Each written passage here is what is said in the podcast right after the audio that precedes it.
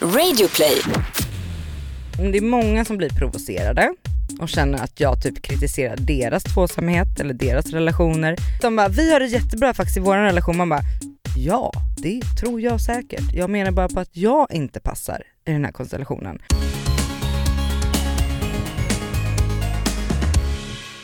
RFSL är Riksförbundet för homo, bi, trans och queer-personers rättigheter. De är våra nya sponsorer. Låt oss presentera. Deras målsättning är att samma rättigheter, möjligheter, skyldigheter ska gälla för hbtq-personer som för alla andra i samhället. Och det här är ju någonting som du och jag kan skriva under på fett mycket, eller vad säger du? Till 100%.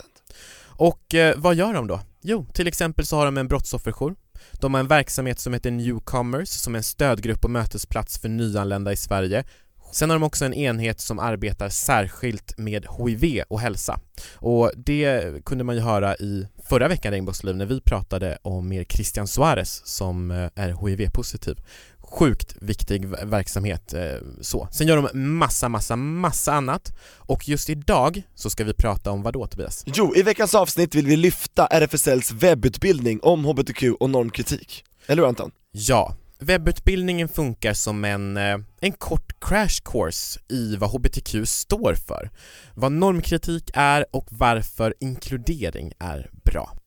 Utbildningen ger exempelvis kollegor på en arbetsplats en bra grund för att alla ska känna sig välkomna. Så du som lyssnar på det här, tipsa dina liksom kollegor, chefer, HR-avdelning, I don't know. Tipsa om att RFSL har den här sjukt bra utbildningen och den består av fyra moduler alla tar 30 minuter att genomföra så det finns ingen ursäkt att inte ta sig tiden. Normer är den första utbildningsmodulen, hbtq-begrepp är den andra modulen, sen har vi lagar och mänskliga rättigheter samt bemötande.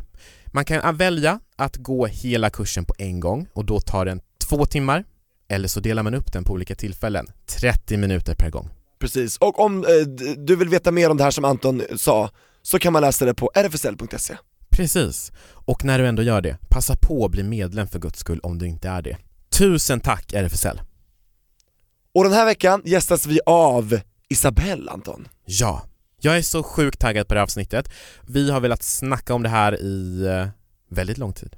Framförallt jag, för jag känner att jag har vissa tendenser till det som vi ska prata med henne om. Och vad är det vi ska prata om? Polyamorositet. Oj, det var, Uttalar jag rätt? det var ett invecklat, vi, vi får bena ut det här under avsnittets gång. Och vi ska prata om det nya begreppet som vi har lanserat, polypan. Polypan, okej? Man är poly och pan. Okej, ja det var nytt. Eh, Hashtag. po- jag, säger poly i alla fall, för jag, annars blir jag så här polyamor, alltså det är jättesvårt, så jag säger poly. Eh, Säg det igen, och jag tappar min mobil. tappa allt. Men det man kan säga då så här. Poly står ju för flera och vad det innebär ska vi snacka mer, eller bena ut mer med veckans gäst som är expert på det här. Sen ska vi snacka lite om relationer och hur man håller en god relation till sitt ex. Det vet vi allt om, eller? Vi tar emot all hjälp vi kan få. Ja Ante, jag tycker vi sätter igång. Välkommen in, sexrådgivaren med mera, Isabelle Walf!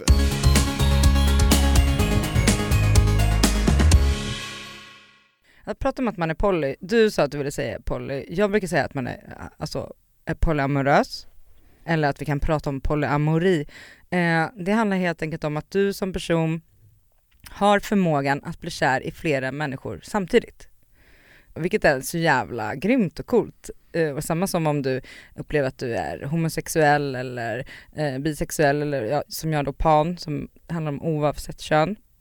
Alltså det är en förmåga och jag tycker man ska ta det med sig som någonting som är så jävla nice. Sen är inte samhället alltid så jävla game på våra olika läggningar eller liksom förmågor och att vara polyamorös handlar helt enkelt om att du kanske är i, alltså samhället säger att du ska vara ihop med en person och leva monogamt, vilket betyder att man är två personer. Eh, Medan poly då betyder att man är flera. Det kan handla om att antingen att du är en sån person som blir kär i flera olika samtidigt eller att du faktiskt är personer som lever ihop och är flera personer. Som om vi tre skulle vara ihop med varandra. Eller så skulle det kanske vara så att eh, du och jag inte var ihop, men du var också ihop med Tobias. Det kan vara vilken konstellation som helst. Ja, och man har olika läggningar i det där och det kan vara en person som bara, nej men jag blir bara kär i en person, men min partner är polyamorös. Och blir kär i ganska många. Just det. Japp, Och då får man så här bestämma sig om man bara, vill jag leva monogamt eller vill jag leva med just den här personen och den vill leva på det här sättet. Ja, så får man bestämma sig för vad som passar en själv bäst och vad som är viktigast i ens egen relation. Har du levt i en polyamorös relation någon gång? Nej det skulle jag faktiskt inte säga och det är lite sorgligt. Jag har eh, haft öppna relationer. Öppna med, eh, sexuellt öppna eller att det är, emotionellt? mer, det är mer sexuellt, att så här, vi båda får ligga med andra. Men mitt senaste ex var lite så här.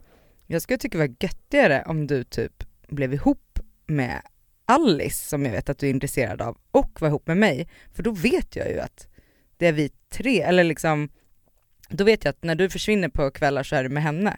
Och att inte var så här, tycker att det var jobbigt att det var så här massa olika människor man var med. Mm. Eh, så folk har lite olika åsikter och vissa är såhär bara gud jag skulle bli så ledsen om du blev kär i någon annan. Jag vill att du, du får knulla med vem du vill men du ska bara vara kär i mig.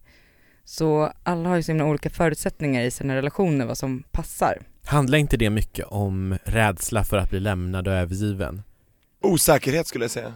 Ja men jag tror alltså överlag hela den här grejen med att folk bara what? Vadå? Du kan inte bli kär en till person om du är kär i en person. Då är inte det riktig kärlek typ. Man bara, fast jag är svinkär i min partner. Jag har bara råkat bli kär i en person till. Och jag tror att jag skulle kunna bli kär i typ fem samtidigt. Mm. Hela mitt högstadium såg ut så.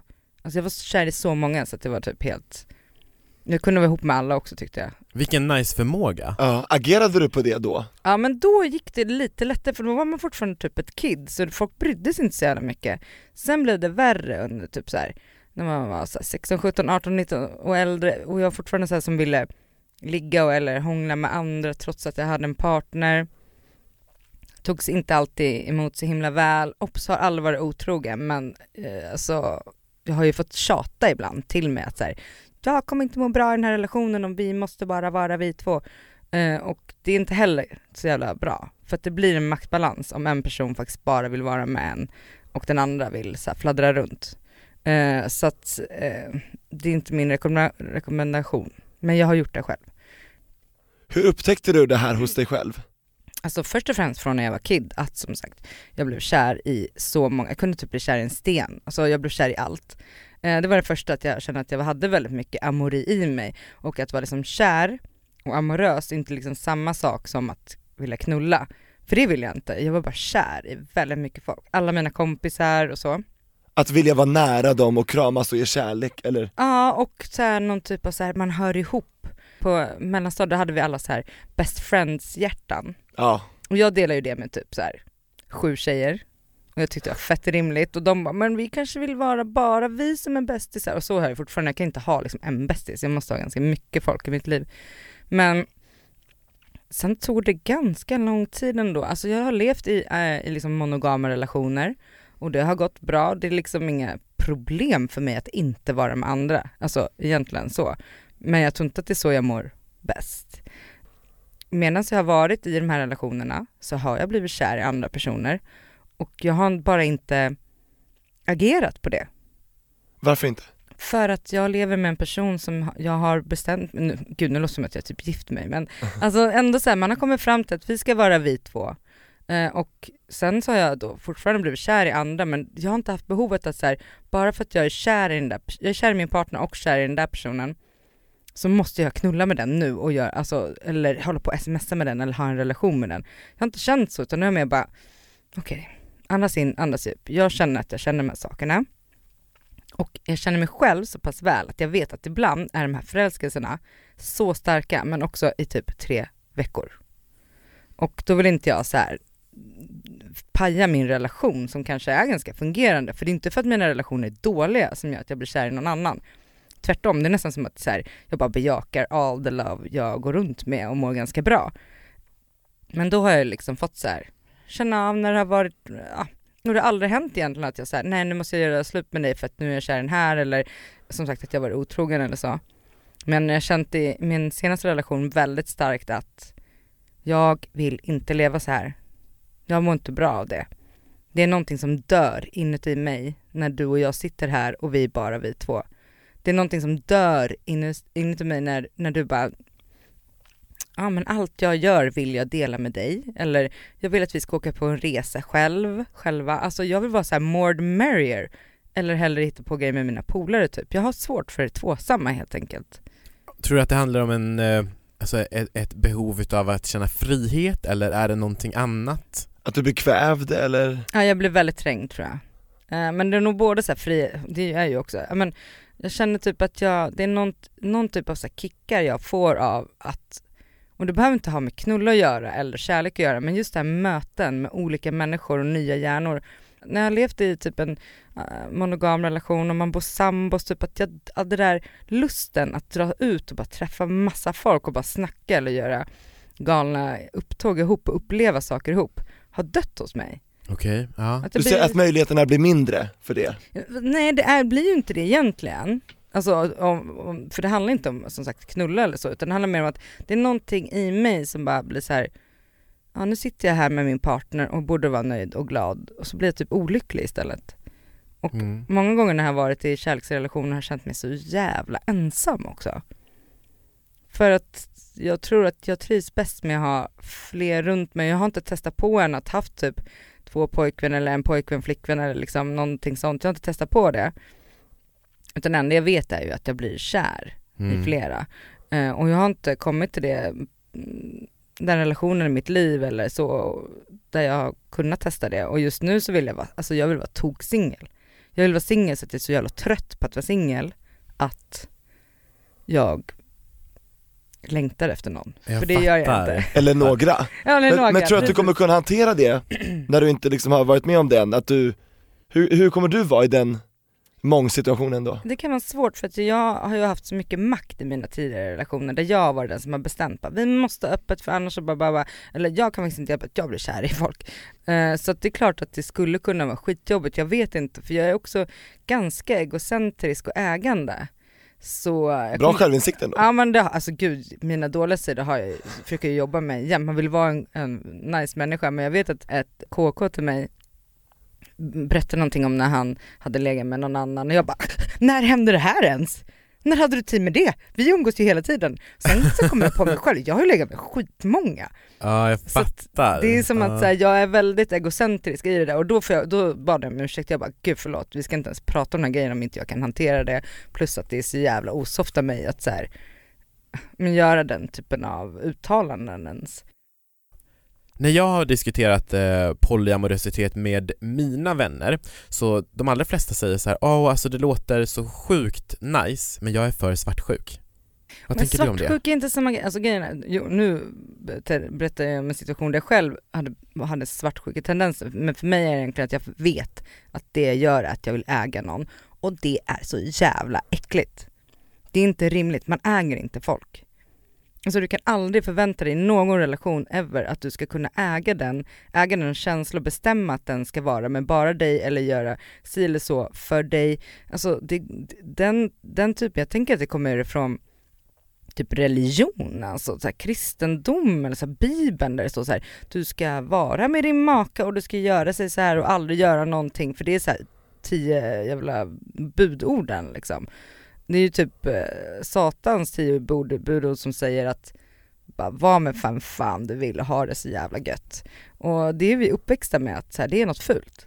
Jag har en teori eh, och den är in, inte alls vetenskaplig överhuvudtaget men jag tror att om vi hade växt upp helt utan en tvåsamhetsnorm då tror inte jag att vi hade varit två och två liksom Nej. så. För det ser man ju på djur, alltså visst det finns ju djur som är tillsammans två och två så, fine. Men det finns också jävligt många djur som är väldigt många tillsammans. flock. I flock Ja som men ett par. precis, och vi var inte två samma från början. Ja.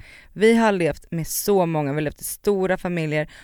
En stor anledning var ju att, alltså för att vi ens skulle kunna fortsätta leva var- var man tvungen att ligga med ganska många för att så här, få barnen att och klara sig. Det var många barn som dog och då hade våra relationer såg helt, helt, helt annorlunda ut för jätte- jättemånga år sedan. Sen kom det sjukdomar. Och då började det också en, typ av tänk att vi ska vara två och två för att även minska sjukdomarna, alltså könssjukdomar. Som syfilis som faktiskt har dödat flera av våra stora kungar. Alltså det är saker som är ändå så här, nu, nu låter jag som en historiker men jag har läst på det här men jag har faktiskt inte någon källa. Så att ni får ta med en nypa salt. Ja. Men jag tror att just den, att så här, eh, vi levde flera förr, sen var vi tvungna att leva typ två och två för att uh, klara oss på ett annat vis. Och sen så uh, religion, Mm. just när det gäller Sverige. Men det är, ser ju ut så här över hela världen. Mm. Att många är tvåsamma. Men jag håller med dig helt och hållet. Jag, det, det är inte, jag hatar att prata om biologi överlag, men är inte biologiskt att så här, jag tillhör bara en person. Jag kan bara vara med en person, annars, eh, alltså det, det finns inte. Det är Ja. strukturellt liksom. För, för jag tror också så här att även när jag har varit i, i relationer så det är ju inte så att för att man blir tillsammans eller ihop med någon så att man slutar tända på andra. Den som säger det, den, den tror jag ljuger. Vem tände du på när vi var ihop? Nej men, Förutom mig? ja intressant. Nej men alltså det är klart att man kan tycka att människor är vackra, sexiga och så vidare även fast man är tillsammans med någon. Den delen av en dör ju inte. Som du Sen- sa, man behöver inte agera på det Isabel. Nej men alltså vadå, det enda jag tänker på när jag träffar en människa är, undrar hur den är att knulla med. Alltså det har jag gjort med er två. Är det Ja. sant? Men så, ja! Jag kollade på din stjärt när jag gick upp i trappan. What's the verdict? Ja, eh, ah. Vad tror du? Kan du inte det? men jag är jävligt rivig jag vill veta. Jag är rivig och Tobias, dominant i sängen nu, låt Isabelle prata nu. Det där måste vara med dock. Eh, sälj in sig själv. Eh, som dominant, i sig- rivig. Rivig Alltså, hashtag perfekt. Nej men det är klart att man, alltså, och det betyder inte att säga bara gud vad jag ska för, försöka förföra er. Utan, eller, Det har redan gjort, too late Ja precis. Eh, nu tror ni att jag sitter och är generad men Det blir är en jag helt inte. Jag är annan bara podd än vad vi tänkt från början. Mycket bättre skulle jag säga, Nej men vad, vad tror du Isabelle om oss mig och Tobias? Alltså jag tror att ni båda är skit, jag tycker ni är båda väldigt attraherande personer båda två och väldigt snygga. Dig träffade jag för flera år sedan, första gången ju. Just det, Eh, vi sågs ju på en fest alla vi tre i fredag, i lördags, i helgen som var Precis, men första gången du och jag sågs var typ två år sedan, ja, då var jag ny singel också kommer jag ihåg. Och jag tror att någon till och med sa till mig, han är bög, sluta greja. Men jag gjorde ingenting, alltså jag stod och pratade om att du var snygg. Och jag är ju inte så här, jag är inte bara bög, så jag tycker att det där är också fel, jag är ju lite mer fri Jag har legat med brudar, det har Anton också gjort, så att, eh, inget omöjligt Ja, Ett poddtips från Podplay.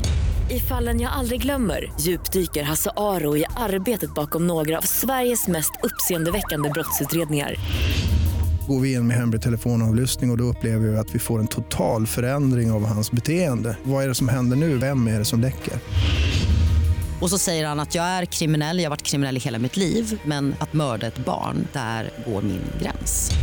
Nya säsongen av Fallen jag aldrig glömmer på Podplay. fortsätt Isabelle. Ja, sen träffade jag dig på en annan utegrej och tyckte också att du, jag tycker ni båda är väldigt snygga. Och Tack. jag har fått, det var någon som fick reda på att, vad fan var det? Jo, jag pingade ju er i en artikel som jag hade grejat med på, På Facebook? Ja. Fick då meddelanden ifrån homosexuella män som vill ligga med er. Nej! Jo, och gärna samtidigt också. Va? Mm. Är det sant? Anton är du Så på en ju- trea? För, nej men nej, inte med, inte med dig Tobias, inte med dig. Inte, inte med dig heller då? Men, så folk tänker ju om er som väldigt sexuella varelser och så gör vi ju överlag i livet. Alltså som sagt. Så är det.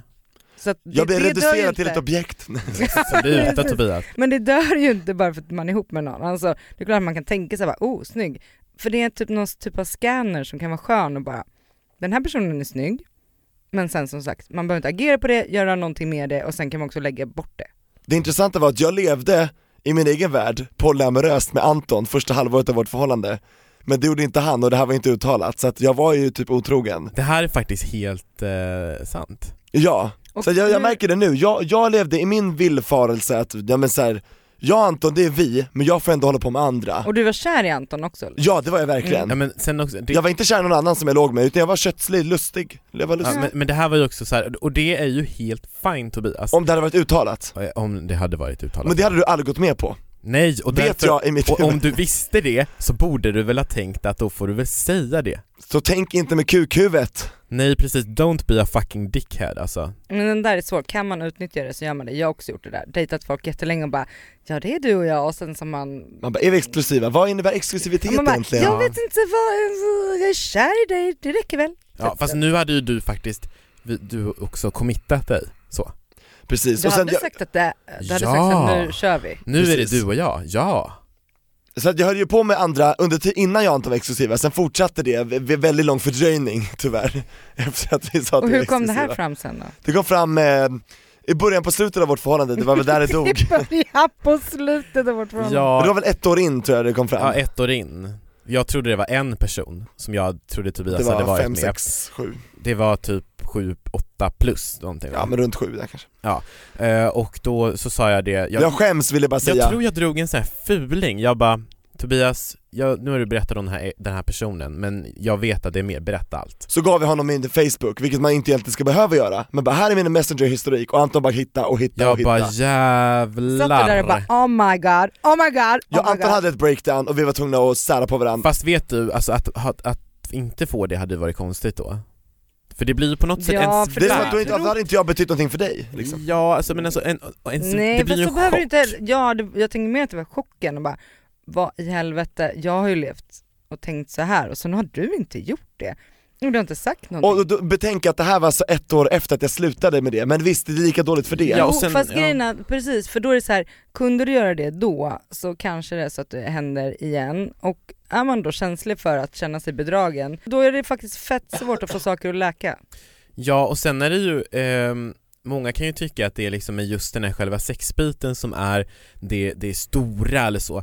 För mig är det egentligen ett, att, att, lö- ett löfte, det, det kan liksom vara så att Tillitsbrott. Ja men det kan vara, det kan handla om något, det hade kunnat vara någonting annat, det hade kunnat vara så att, ja men om du hade du jobbade ju på Sveriges Radio då, om du hade ljugit om det och jag hade fått reda på det, bara han har ljugit att han har jobbat på Sveriges Radio i ett år. Jag jobbar i det, sexbutik. det, det var också varit, nej men för, och det är inget fel med det, Nej. men det jag menar att det är sveket som är det stora liksom Mm. för mig så, Hur kan man bedra så länge? ja. Jag håller med How could you? Nej jag skojar, jag, Jag har lärt mig, Isabella och Anton, jag har blivit en bättre människa Ja, idag, jag- tack vare det, eller på grund av det Men, Ja. men hur, så då blir det ett outbreak och sen så bara, det är svårt att lappa ihop det här eller vad var det som Jag hände? tror inte att du kände att tilliten till mig kunde aldrig växa tillbaka till det det en gång var och behövde bli Alltså jag vi, tror vi lite- gick ju till och med i sån här parterapi Parterapi. och allt möjligt, han parterapeuten sa ju själv, han bara 'jag tror inte att det här kommer gå' Jag betalade för det by the way, jag tog ansvar, jag betalade för Ja, alla sessioner Ja Ja. men gud vilken härlig kille du är. Men- En applåd Ja. att du betalar när du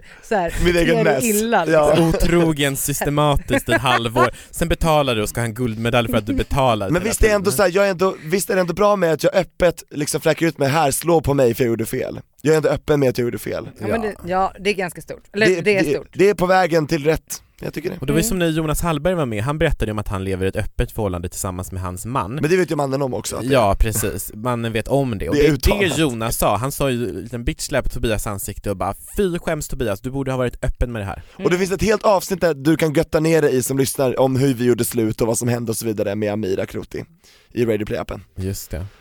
Men jag kan väl vara den som är lite sa- ihopsamlare då. Mm. Och då tänkte jag eh, att vi ska glida in på eh, ett ämne Mm. Vi glider tillbaka till eh, polyamorositet Mm. Sidospår återgår Sidospår återgår, precis Tobias Torvid. Och då undrar jag, Isabelle, vad du har fått för reaktioner från omgivningen när du har berättat att du är polyamorös? Folk har så jävla svårt att förstå. Alltså först och främst, folk som inte känner en och kanske får höra om det, de kallar ju en för hora. Direkt såhär slutshaming. Vänta, va, varför, varför kallar man hora? För Ja, för de Vad är det för vänner? Nej men det är inte vänner, alltså folk som inte känner, alltså no, eh, nej men till exempel, okej okej, random troll på internet eller fan vad som helst, men folk tycker att, pratar man om sig själv som polyamorös så betyder det att man vill knulla med jättemånga människor och att man har problem och att man vill ta betalt eller? Ja men, ja, men och plötsligt är det det, ja men det är slutshaming helt enkelt att så här, aha du är poly för att du egentligen vill knulla jävligt mycket. Ja, jag vill knulla jävligt mycket, men det är inte det som är min trigger, det handlar om kärlek liksom. Att jag blir kär i flera människor samtidigt och som sagt, jag kan inte göra så mycket åt det, jag kan försöka hantera det, men jag kan inte göra så mycket åt det. Eh, och relationer jag haft så de senaste åren har jag varit tydlig från start. Jag är en sån som kan bli kär i andra samtidigt. Det betyder inte att jag kommer vara otrogen, eh, men jag har de här tendenserna och då vill jag, och jag kommer Alltså hur känner du att vi ska hantera det? Vill du att jag ska berätta när jag börjar känna att jag får känslor för någon eller är det okej med att det kanske kommer in en annan person i mitt liv? Eller ska vi bara låtsas som ingenting och, eh, för jag vet ju själv att det ibland går över, de här förälskelserna. För jag har, alltså de kan komma tätt och snabbt och vara ganska starka men sen så bara och så är det för mig nu när jag är singel också, så det är därför jag är typ evigt singel.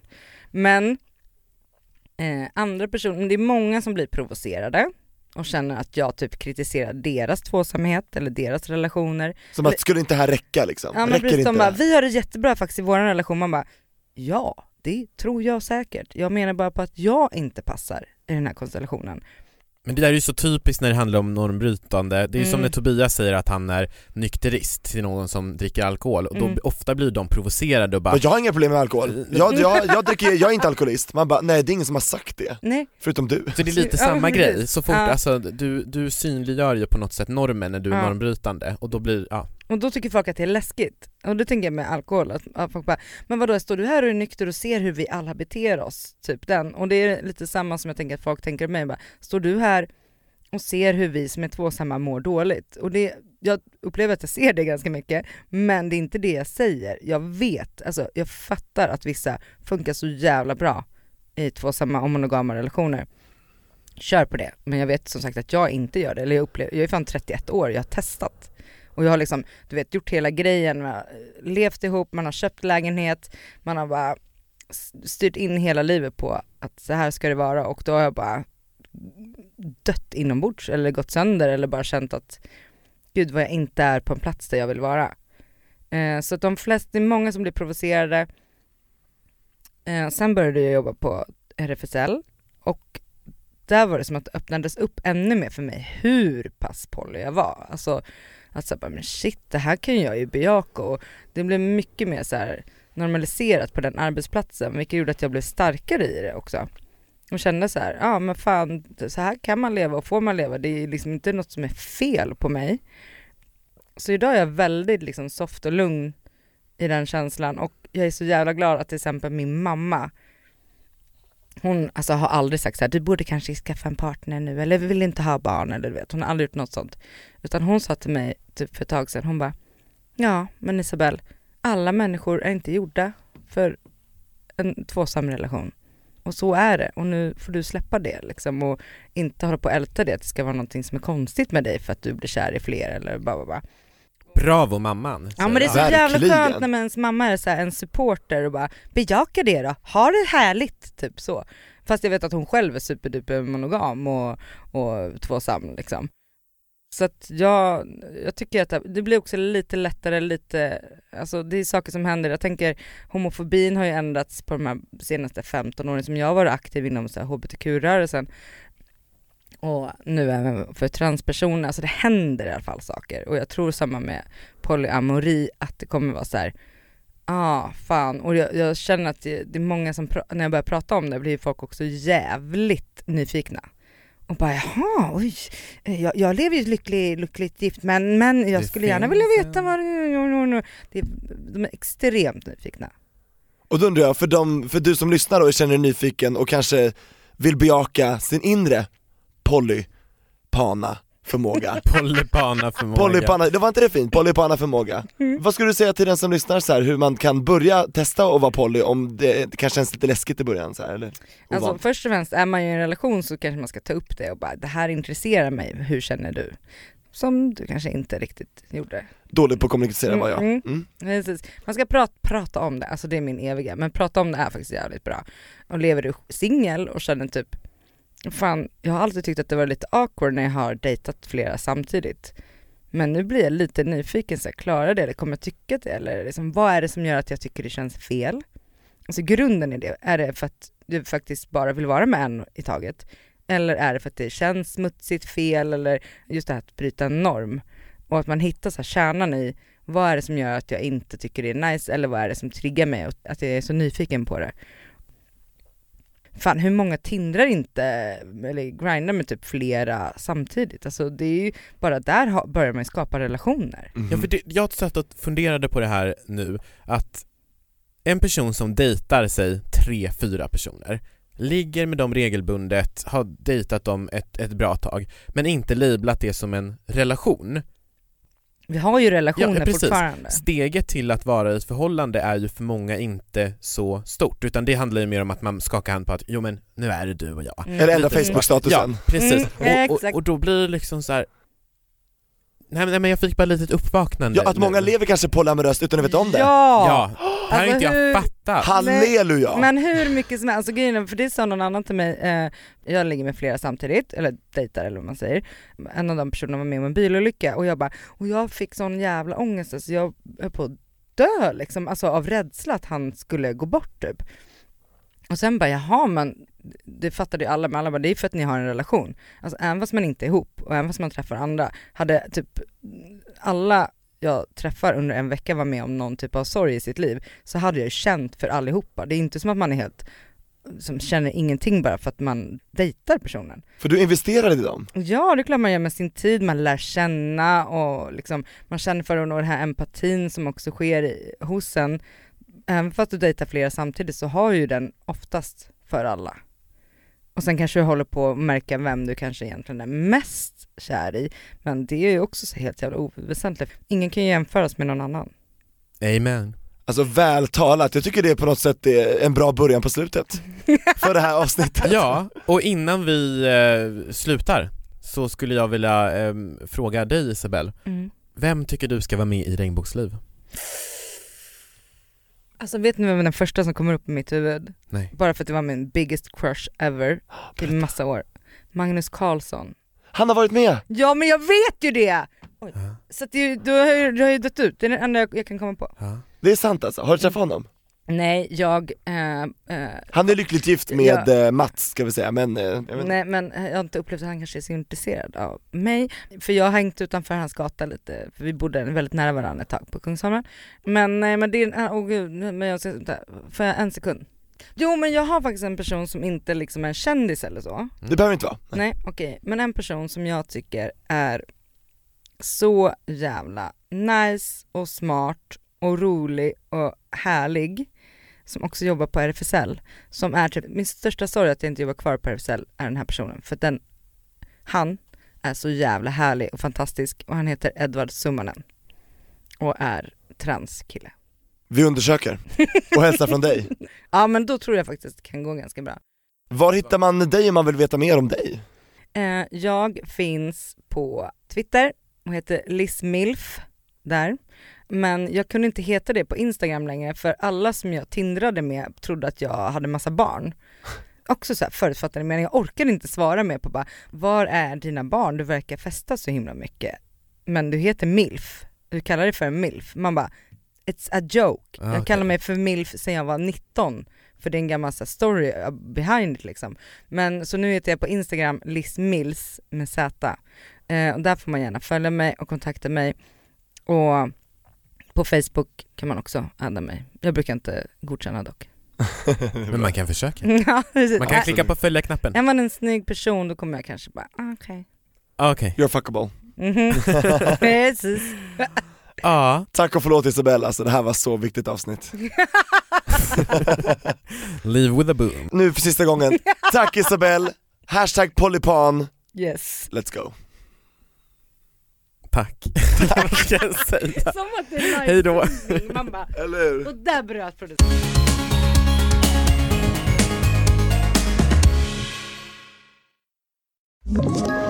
Ett poddtips från Podplay. I fallen jag aldrig glömmer djupdyker Hasse Aro i arbetet bakom några av Sveriges mest uppseendeväckande brottsutredningar. Går vi in med hemlig telefonavlyssning och, och då upplever vi att vi får en total förändring av hans beteende. Vad är det som händer nu? Vem är det som läcker? Och så säger han att jag är kriminell, jag har varit kriminell i hela mitt liv men att mörda ett barn, där går min gräns. Nya säsongen av Fallen jag aldrig glömmer på Podplay.